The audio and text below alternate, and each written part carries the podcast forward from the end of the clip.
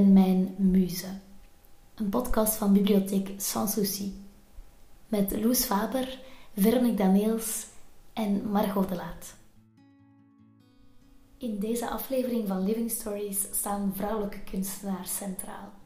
Dus waar konden we beter opnemen dan in het museum van Elsene, op dit moment tijdelijk gesloten voor het publiek. We nodigen Loes Faber uit, auteur van het boek Ik ben mijn muze. Een graphic novel en een prachtige visuele ode aan eigenzinnige vrouwen die de kunstgeschiedenis hebben veranderd. Onder andere Frida Kahlo, Charlotte Roop en Artemisia Gentileschi. Het boek duigt van een grote vertelkunst, zowel in woord als in beeld. En ondanks de tragiek en het gevecht dat de vrouwen moeten leveren, spat de levenskracht en passie voor kunst van de pagina's. In een meeslepende speelse stijl en met veel empathie neemt Loes ons mee doorheen de levens van deze bijzondere kunstenaars. Hun strijd en schoonheid echoot vandaag na. En bij het omslaan van de laatste bladzijde had ik het gevoel dat hun levens, hoe verschillend ook, samen lijken te resoneren. Hun verhaal creëert ruimte voor ons verhaal. Want ook vandaag zijn er vrouwelijke kunstenaars die een plek zoeken binnen de kunstwereld. Zij zijn hun eigen muze. In deze aflevering luisteren we naar auteur Loes Faber, maar ook naar kunstgids Veronique Daniels en naar dichter Margot de Laat. Dit initiatief is er voor Frida, voor Berthe, voor Amrita en voor Marta. Voor elke vrouw die moest vechten voor haar plaats of dat vandaag nog altijd moet doen. Dit is voor alle mannen die hen ondersteunen. En dit is voor iedereen die zich man nog vrouw voelt en deze strijd erkent of mee applaudisseert. Welkom Loes. Uh, vanavond staat jouw boek Ik ben mijn muze in de kijker. Um, ik moet zeggen, toen ik het een paar maanden geleden opensloeg, toen schaamde ik mij een beetje, want ik was zo de namen aan het bekijken. En er waren er een paar die ik zeker kende, maar ook een paar die mij totaal onbekend waren. En ik dacht, oei, ligt dat nu aan mij? Nee. Of is dat de kunstwereld? ja, ik heb zelf, uh, er zitten ook van mij een paar die ik niet kende. En het is ook de bedoeling dat er, dat er vrouwen in zaten die mensen niet kenden. Uh, Frida Kahlo is natuurlijk een beetje de, de, de, ja, de, hoe zeg je dat, de aandachttrekker in dit verhaal. Maar het is eigenlijk de bedoeling dat je via haar uh, die andere vrouwen ook leert kennen. Dus um, nee, dat je een paar niet kende, dat is helemaal. Ligt niet En wie was voor jou zo een nieuwe ontdekking? Nou, een aantal, maar uh, eigenlijk vooral uh, Amrita Shergill. Ze is een um, Indiaas-Hongaarse vrouw. Um, en die kwam ik ja, op een gegeven moment ergens tegen, omdat zij dan weer iemand in de kunstgeschiedenis was tegengekomen waar ik waarschijnlijk op dat moment over aan het lezen was.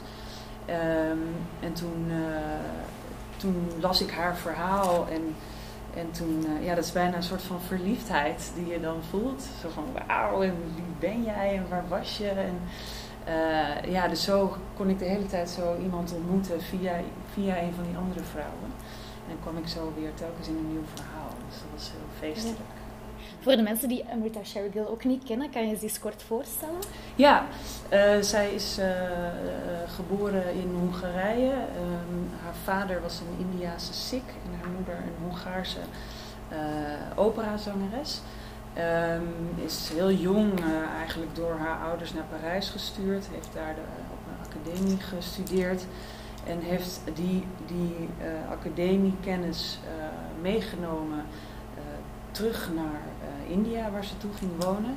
En is daar in India de bewoners van India gaan bestuderen. En eigenlijk heeft zij, zij was een van de eerste die eigenlijk die twee werelden met elkaar deed versmelten. En daar een hele eigen vorm voor zocht. Um, ja, dus ja, haar schilderijen zijn nu moeten ook echt in India blijven. Die zijn echt Indiase treasure, zeg maar. Dus um, ja, heel bijzonder mens. En uh, ze wordt ook wel eens de Indiaanse Frida Kahlo genoemd. Heel veel geschilderd, jong gestorven. Uh, ja, veel spanning en sensatie. Ja. ja, wat opvalt bij haar, maar ook bij de andere kunstenaars, is dat ze vaak toch politiek of maatschappelijk geëngageerd zijn. Ja. Zou jij jezelf ook activistisch noemen? Of um, Nou, activistisch weet ik niet, maar ik ben wel zeer begaan met, met uh, het feminisme, maar ook met uh, queer uh, rechten, vrouwenrechten. Um, dus ik voel me zeker wel ja, begaan met, met die thema's. Ja. Um, ja, voor het queer thema is ook iets dat in het boek komt. Want het zijn vrouwen, maar het zijn niet per se alleen maar vrouwen. Het zijn ook unieke individuen. Ook een paar die een beetje met het gendergegeven wel spelen.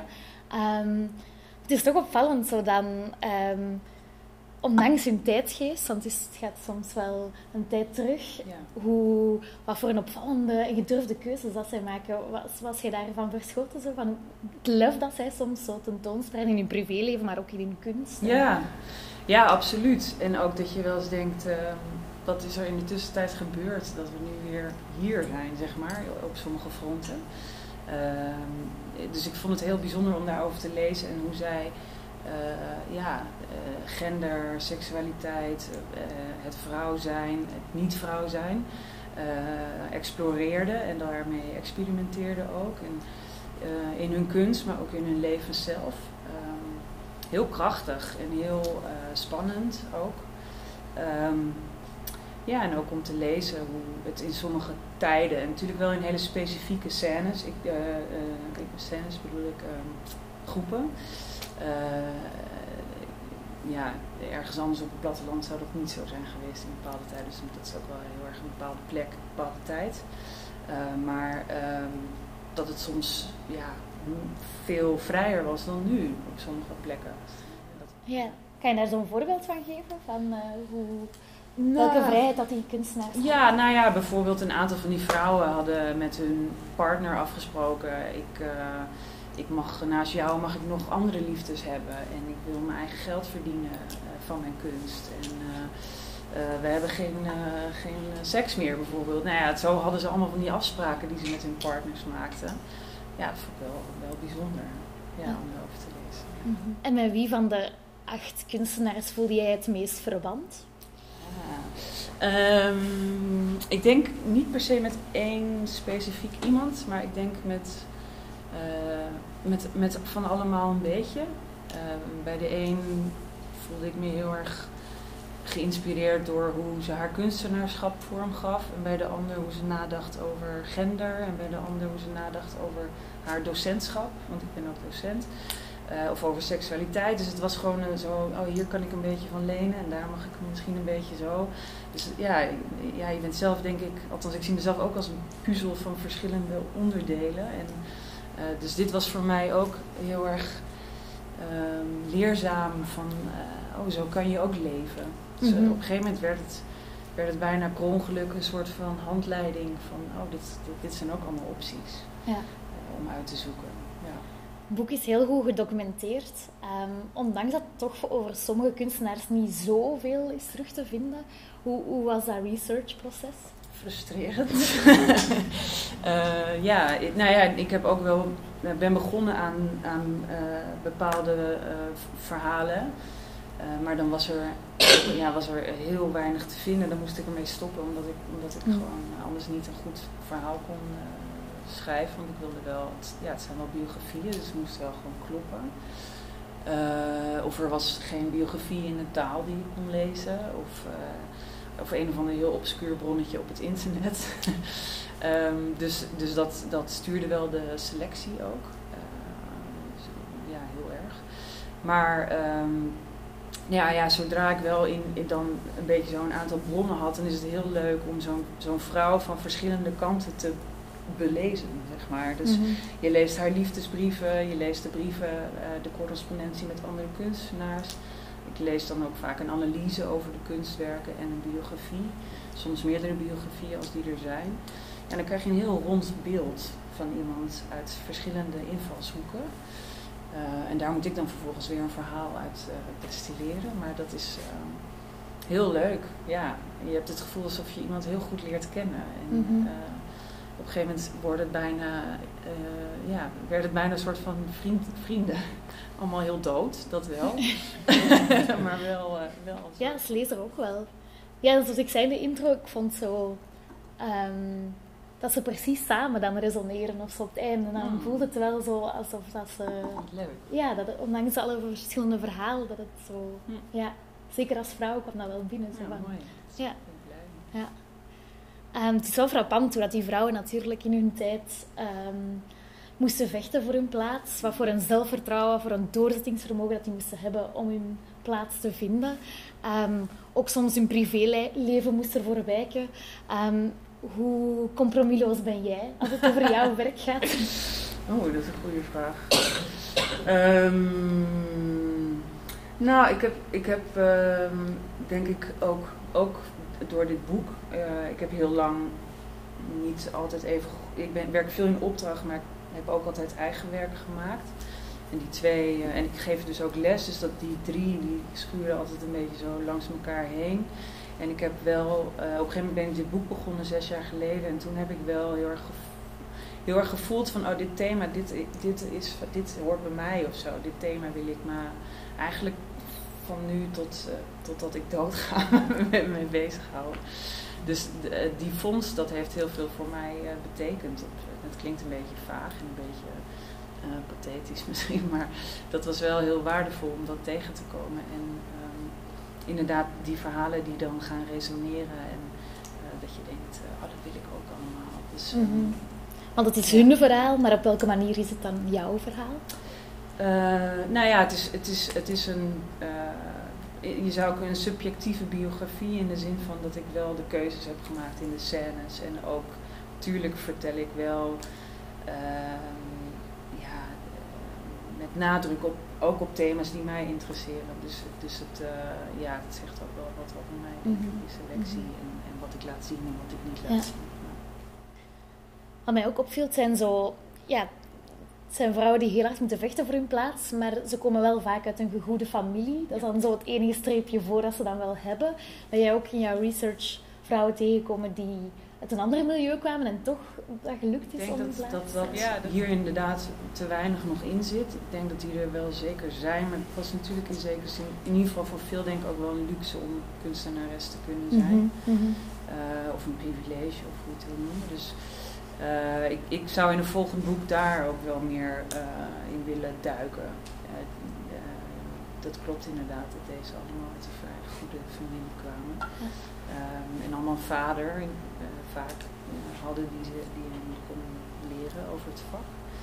Ehm, maar ik ben er weinig tegengekomen, dat moet ik er wel Mm. bij zeggen. Ja, Ja. We hadden het al over Amrita Shergill gehad. Ehm ze had een opvallende op, eh, uitspraak gedaan, vond ik. Want het is niet alleen mannen die soms de vooroordelen in stand houden, Mhm. maar ook vrouwen. Want zij zei over kunstenaars in het boek... Er zijn niet veel vrouwen die kunnen schilderen. Dat komt denk ik doordat vrouwen over het algemeen geen gepassioneerde zielen zijn, maar eerder sentimenteel. Ja. Wat vond jij van die uitspraak? Ja, ik- ja, ik denk dat eh, dat zit er meer in dit boek. Je moet dingen ook altijd in zijn tijd eh, proberen te zien, denk ik, en in zijn context. En, eh, eh, dus of het geïnternaliseerde dingen, dat zou het kunnen zijn. Maar eh, zij was, eh, Amrita was ook heel kritisch op, eh, als zij bijvoorbeeld werd een eh, medaille of een prijs kreeg voor vrouwelijke kunstenaar. Dat wou ze, vond ze ook echt Mm. niet leuk. Van hoezo vrouwelijke kunstenaar? Ik wil helemaal Mm. niet als vrouwelijke kunstenaar bestempeld worden. Ik wil als kunstenaar bestempeld Ja. worden. Dus je ziet ook wel in, bij veel van die vrouwen een soort van haat-liefde verhouding met eh, het eh, stempeltje vrouwelijke kunstenaar. Ehm, dus daar, ja, die strijd die zit er ook wel in. Bij haar zat die zeker heel erg Ja. in. Ja.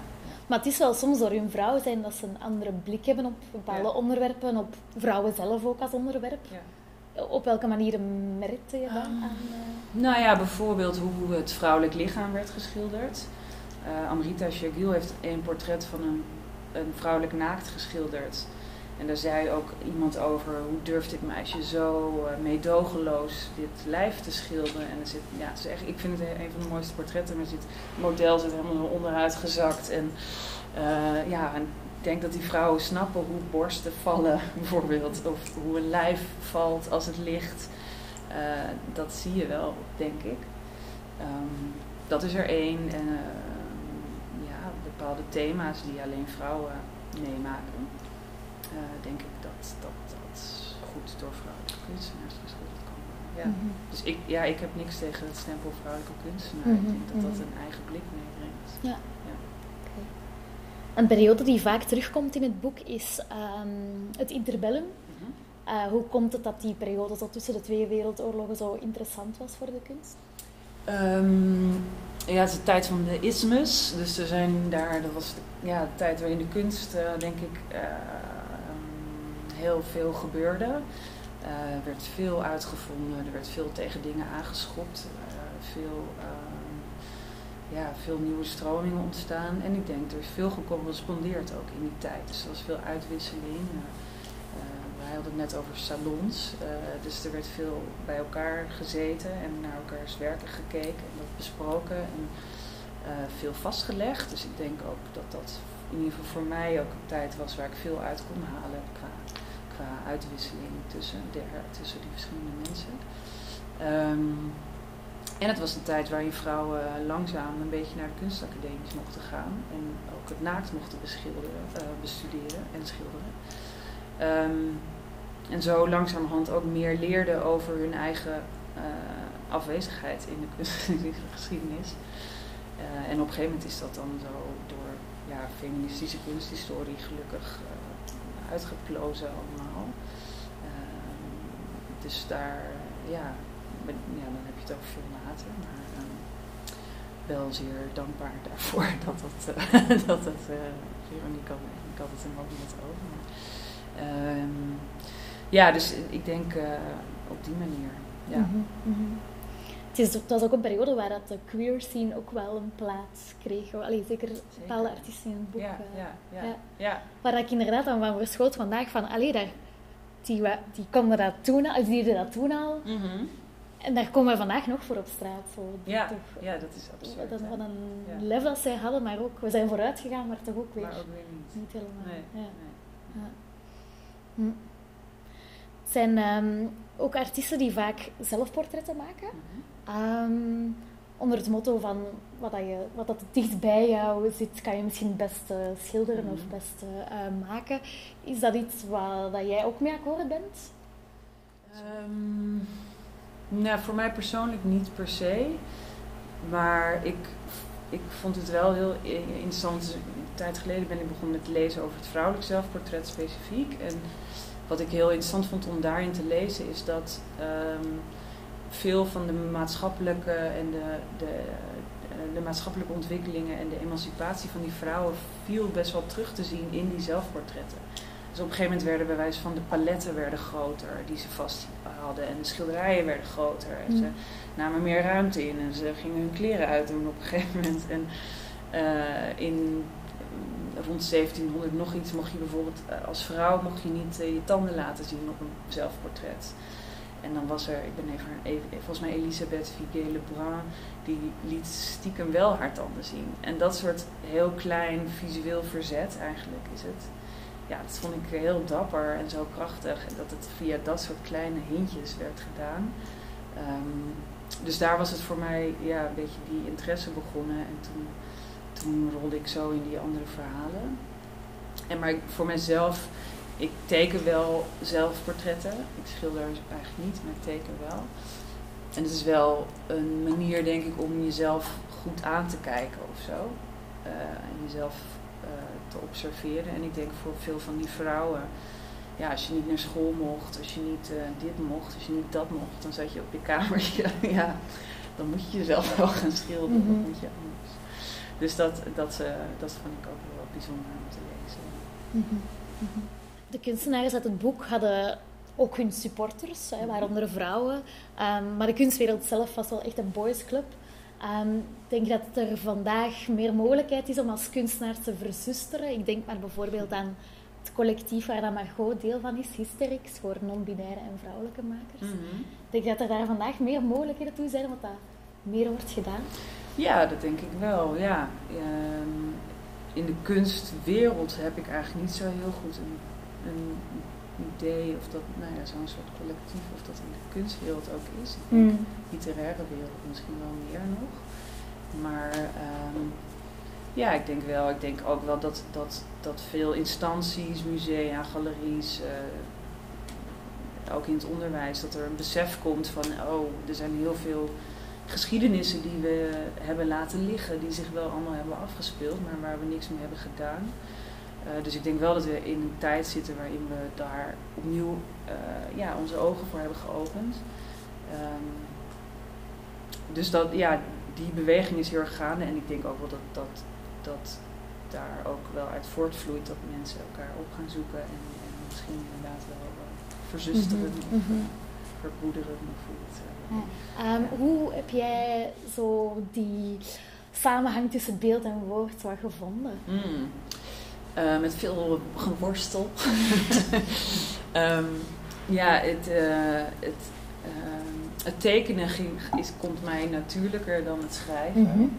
Dus dat schrijven um, heb ik echt als allerlaatst gedaan.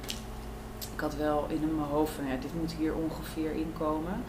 Um, maar uh, het begon met dat tekenen, daar had ik het meeste zin in. Dus dat ging ik ook als eerste, mijn eerste research tekenen.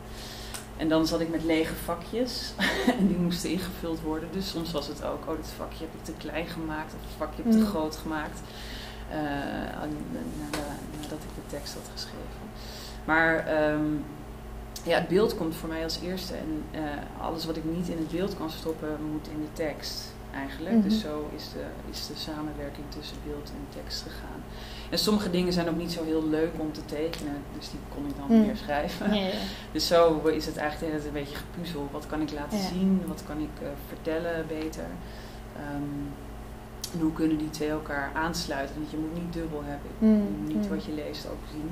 Ja. Uh, uh, of ja, af en toe kan het wel, maar het liefst is het een aanvulling op wat je leest. Of is het, ja, dan geeft het ergens een draai aan. Dat, dat, en, en in sommige pagina's, of in ieder geval op de laatste, laatste scène eigenlijk van elke verhaal heb ik proberen af te sluiten door middel van typografie, uh, geïllustreerde typografie. Dat is er een van, dat is een van de laatste pagina's. Heb ik een quote gepakt van een van, van die specifieke vrouw die voor mij heel erg iets zei over haar leven. Mm -hmm, uh, dus of een soort van wijze les of een, iets wat voor haar heel erg betekenisvol was. Dus elk uh, verhaal eindigt met zo'n, ja, dit is er ook een laatste scène. Er zijn net zoveel manieren van zijn als sterren in de lucht. Dus die laatste scènes, dat is telkens waar beeld en tekst vooral mm -hmm. samen moeten doen. Ja. Je hebt ook uh, kunstwerken van hen nagetekend. Hoe, ja. hoe, was dat voor jou? Ja, dat was heel leuk. Um, soms ook wel uh, frustrerend. Want um, ja, ik teken zelf vrij grof en een beetje zo. En die, die, die kunstwerken die zijn ja, die moet je wel zo echt mogelijk natekenen. Ja. Want dat had ik mezelf voorgenomen. Want het is in die zin ook een museumtour. Dus je gaat ook langs hun kunstwerken.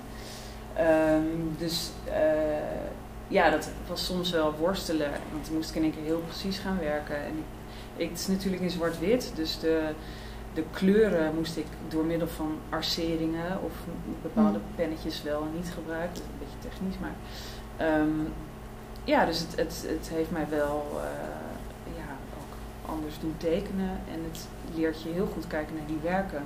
Want hoe heeft zij haar lijnen gezet? Hoe heeft zij die arm getekend? Dus je, ja, je leert er ook wel goed van observeren. Mm -hmm. Ja. Uh, Caroline Schneeman, zo een van de vrouwelijke artiesten in het boek, um, die schreef een essay in uh, 1975, Women in the Year 2000. Mm -hmm. Uh, en daarin voorspelden ze van dat er veel meer vrouwen zouden lesgeven in de kunstwereld. Uh, dat het geen boys club meer zou zijn. Uh, dat er veel meer curatoren, artiesten zouden zijn, allee, vrouwelijke artiesten.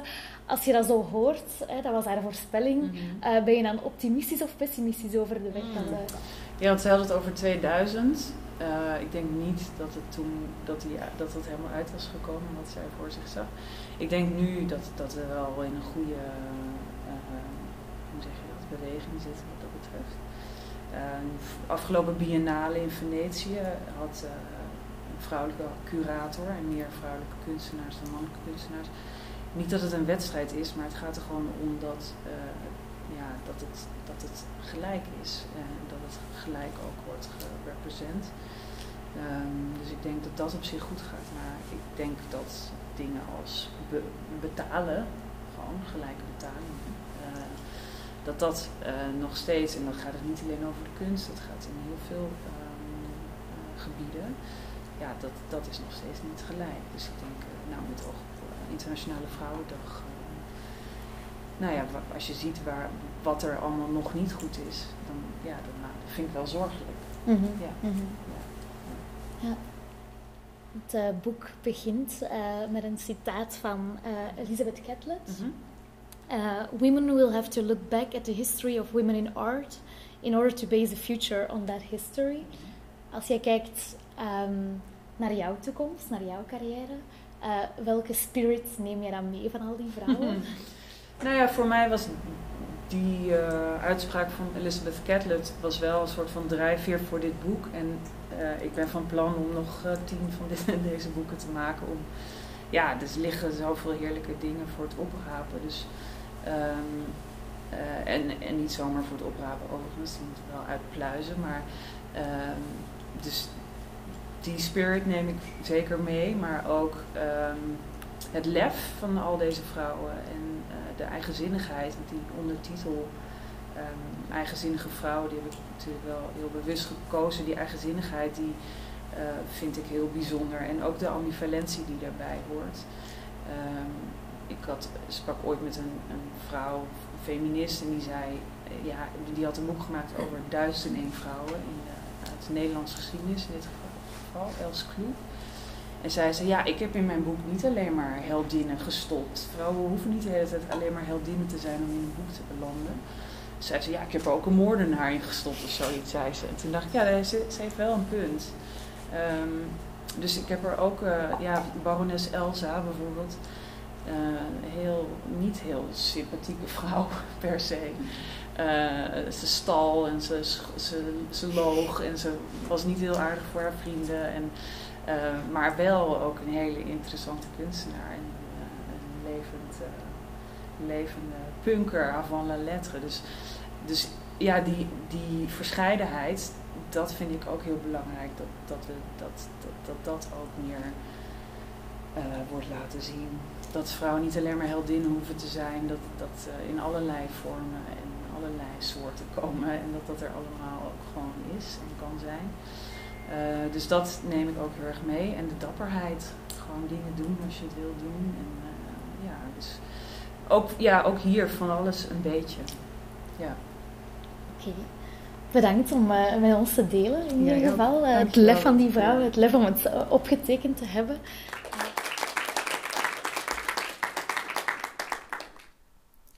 Heel graag geef ik nu het woord aan Veronique Daniels.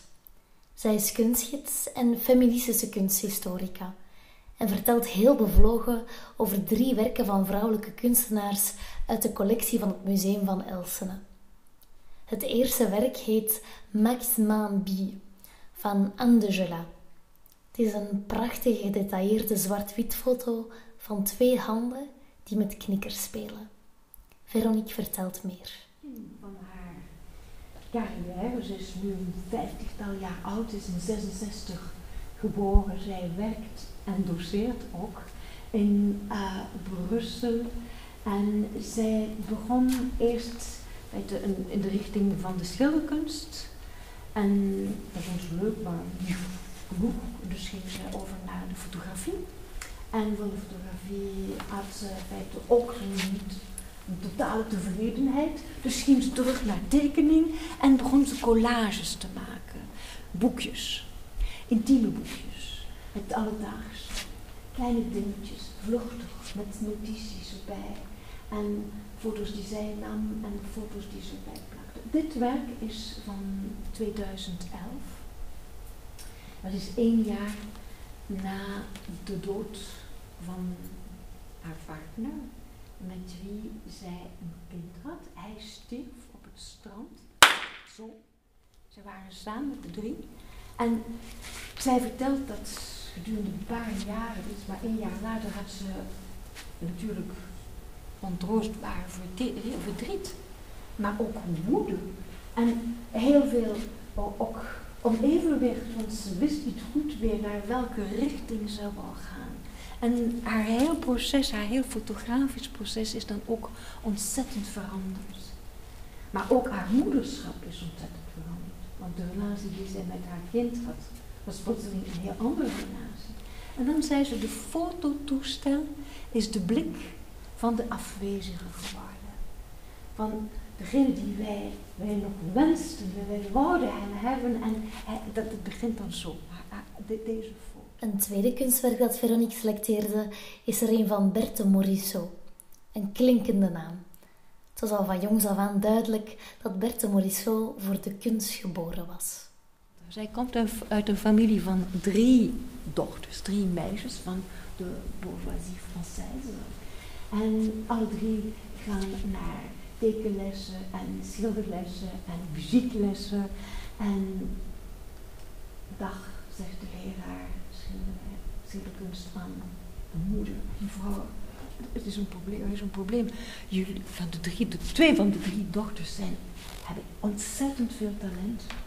En zij gaan waarschijnlijk doorgaan met de kunst. En ik vrees dat jullie bang of van kunst gaan worden of dat jullie de kunst gaan haten. Want de dochters gaan problemen hebben.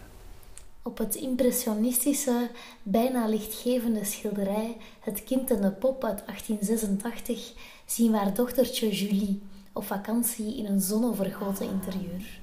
Zij draagt ook een wit kleedje. Dat is niet zo, dat is heel mooi. Maar we wouden geen wasmachines. Dat vond niet erg, want er was was een vrouw in het huis die dat voor de familie zou doen. Maar dat betekent ook dat ze tamelijk braaf moet zijn. En ze mag niet zo uh, in de modder of gewoon het gras gaan spelen en alles doen. En dat is ook de opvoeding en dat is dan ook een van de redenen waarom de vrouwen dan in ook zo lang achtergebleven zijn. Want zij kregen onmiddellijk een weg van blijf daar, doe het zo en uh, als het niet doet dan ben je een heks een krankzinnige. En ik weet niet wat, dat is allemaal zo van uh, niet mogelijk. Ook Marthe Dona staat op heel wat grenzen als vrouwelijke kunstenaar. Haar familie ziet daar liever niet naar de kunstacademie gaan en later tekent ze haar werk onder de schuilnaam Tour Donaski.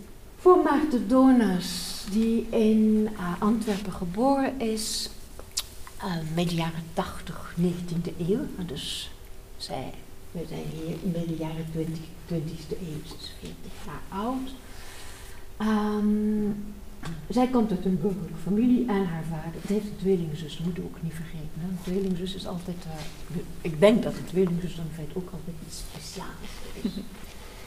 en de vader zit helemaal niet zitten dat zijn dochter kunstacademie gaat volgen. Toch zet de Belgische Marten Donans voort en haar werk De Speeltafel uit 1926 bewijst dat ze haar plek verdient binnen de avant-garde. Studeert tekening in het begin van de 20e eeuw. En het duurt lang, tien jaar later, in 12 is het daar nog altijd op die academie. Dus jonge vrouw, maar toch een volwassene vrouw.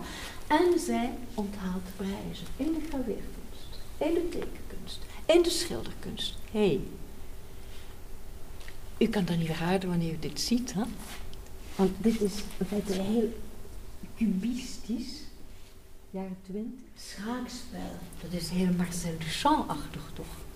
En dan um, dambord, dat is dan in feite ook al het surrealisme komt met ons mee. En al die bewegingen zijn daarin, het is een soort aanwezigheid van al haar collega's. Marthe Donas, Berto Morisot, Frida Kahlo en Rita Shergill. Allen zijn ze hun eigen muze, zoals Loes Faber zo mooi in haar boek verwoordt. En om deze aflevering in schoonheid af te sluiten, luister ik graag samen met jullie naar dichter en hysterikslid Margot de Laat, die prachtige poëzie uit dit thema puurde. Zwart. Zwart tot het licht wordt, het draaglijk wordt, het draagbaar wordt. Zij is de schilder en zij is het schilderij. Zij is de in tongen sprekende kunstenaar, zij is de tongen in de mond krijgende kunstenaar, zij is de reus die begint waar haar eigen schouders eindigen. Zij die haar dochter kijken leert, nee, haar dochter leert kijken. Zwart van afgebonden vingers en dan opnieuw schilderen, blijven schilderen. Zwart van het licht op de stof die geen stof is, van het stof op het schilderij dat het licht zichtbaar maakt. Maar wit van want, van waarom, van huid en van doek die huid bedekt, van verf die je niet kopen kan, wit van warmte die je mond verlaat, van oneervol overleven, van overlevering. Margot, mijn naam is een zelfportret. Mijn naam is zoals mij, zoals het gedicht, zoals mijn naam is, zoals het gedicht is, zoals mij is en ik in vergelijking in mezelf word. Door vergelijking niet verder geraakt dan mijn naam is mijn lief en mijn lief is mijn lief, maar mijn lief zoals, zoals, zoals. Zij is zoals een vrouw, zij is, zoals een gedicht zonder een titel begint met haar eerste regel, dit gedicht is een zelfportret. Het draagt mijn naam zoals ik mijn naam draag, ik mijn naam ben, mijn naam die zoals het kind dat ik een naam moet geven samen met mij groeit. Ik moet beslissen hoe goed het kind zal ruiken. Dit gedicht draagt mijn naam, het is een zelfportret, ik heb het geschreven, maar het gaat niet over mij. Frida Kahlo. Je leven in kleur leiden.